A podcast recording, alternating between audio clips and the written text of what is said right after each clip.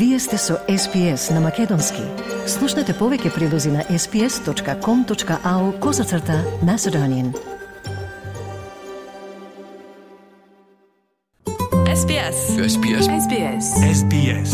SBS SBS Radio. Сојузната опозиција се спротиставува на владината политика за пензионирање, тврдејќи дека лабористите го прекршиле изборното ветување.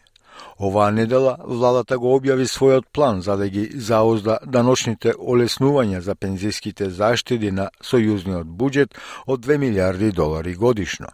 Промените се однесуваат на лицата со салда над 3 милиони австралиски долари од 2025-26 година. Премиерот Ентони Албанезе изјави за ABC радио дека промените во супа фондовите или пензиските заштеди не се ретроспективни, додавајќи дека оваа мерка ја воведуваат за да ја зајакнат неговата одржливост и тоа е политика што се предлага за војнина. We'll always stand by. Uh, we are introducing this measure to strengthen its sustainability, and this is uh, the, the policy that we are putting forward. Сегашната даношна стапка ќе се удвои на 30% за износи на салдото од 3 милиони долари, но ќе остане ограничена на 15% под тој прак. Благајникот Джим Чалмерс вели дека промените представуваат одговорно економско управување. Тој додава дека 99,5 од 100 од луѓето во системот нема да бидат засегнати од она што го предлагаат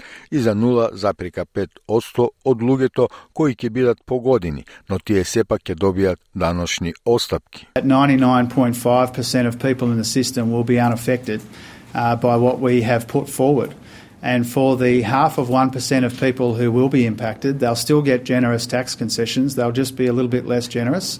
Според тоа, се очекува да бидат погодени околу 80.000 австралици, но коалицијата предупредува дека таа бројка може да стане поголема. Портпаролот на Министерството за финансии на сојузната опозиција е Ангус Тейлор.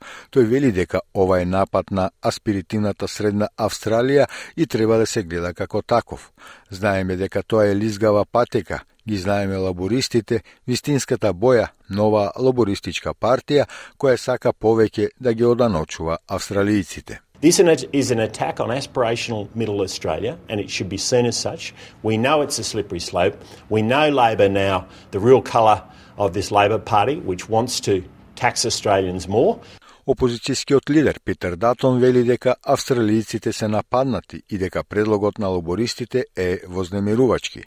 Тој додава дека благајникот има шопинг листа, а повеќето австралијски даношни обврзници се на удар на таа листа. Тој додава дека ако се погледне семејниот дом, благајникот одби да го исклучи данокот на капитална добивка на семејниот дом, што е неверојатно, вели Датон. The Treasurer has a shopping list, a hit list, and most Australian taxpayers are on that hit list. If you look at the family home, the Treasurer this morning refused to rule out capital gains tax on the family home, which is unbelievable.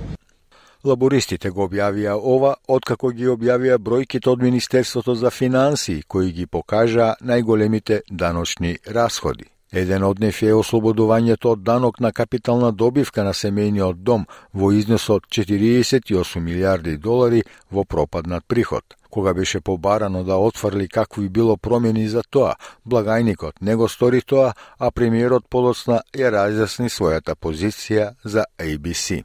We are not we are not going to impact uh, the family home. Why not? Full stop, exclamation mark. Uh, because we're not going to. SBS. SBS. SBS. SBS. SBS SBS Radio. Стиснете, ми се допаѓа, споделете, коментирајте. Следете ја SPS на Македонски на Facebook.